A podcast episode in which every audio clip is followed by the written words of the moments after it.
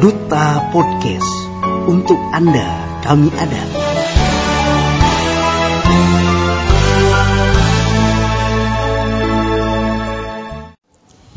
Kisah laba-laba penyelamat Nabi Laba-laba menjadi makhluk yang memiliki sejarah tersendiri dalam risalah Islam. Allah Subhanahu wa taala memerintahkan seekor laba-laba untuk menyelamatkan Nabi Muhammad SAW dari kejaran kaum kafir. Laba-laba merupakan salah satu binatang yang tertera dalam Al-Quran.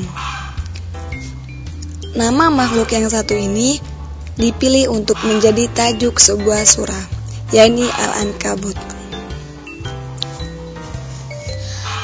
Kata laba-laba dalam surat Al-Ankabut muncul pada ayat ke-41.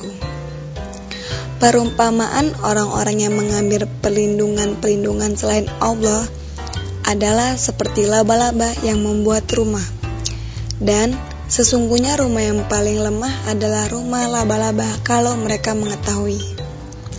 Sebagaimana kisah yang terjadi di gua Jabal Sur saat Nabi Muhammad SAW dan Abu Bakar hendak berhijrah dari Mekah ke Madinah. Saat itu, Nabi Muhammad dan Abu Bakar tengah diburu oleh orang-orang Quraisy yang hendak membunuhnya.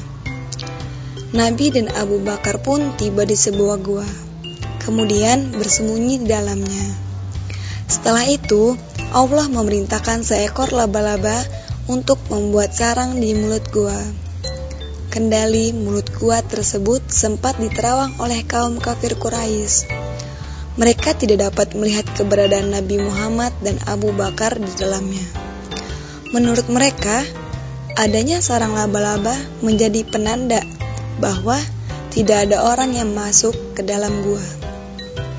Selama tiga hari, Nabi Muhammad dan Abu Bakar bersembunyi di Gua Sur.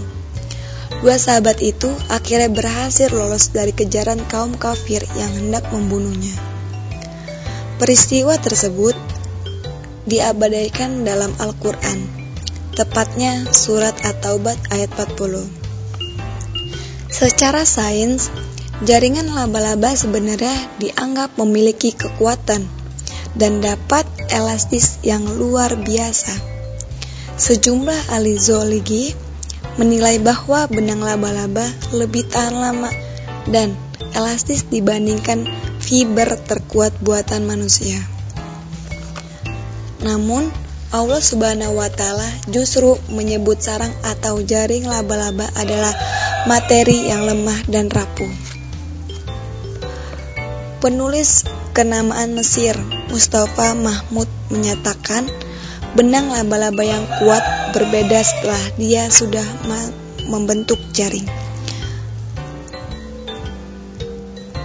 Ayat di atas menyatakan bahwa Jaring atau sarang laba-laba merupakan selemah-lemahnya rumah meski dibuat dari benang yang kuat. Faktanya, seperti dikatakan Prof. Quraisy Sihab, kita bisa dengan mudah menghancurkan sarang laba-laba dengan sekali sentuhan.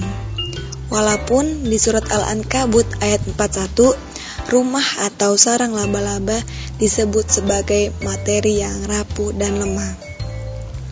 Allah Subhanahu wa taala justru memerintahkan seekor laba-laba untuk membuat sarang guna melindungi Nabi Muhammad SAW dan Abu Bakar dari kerja dari kejaran kaum kafir. Hal itu menandakan bahwa Allah Subhanahu wa taala memiliki kuasa terhadap segala ciptaannya. Yang lemah dan rapuh dapat dia kuatkan, begitupun sebaliknya. Tetap bersama Duta Podcast.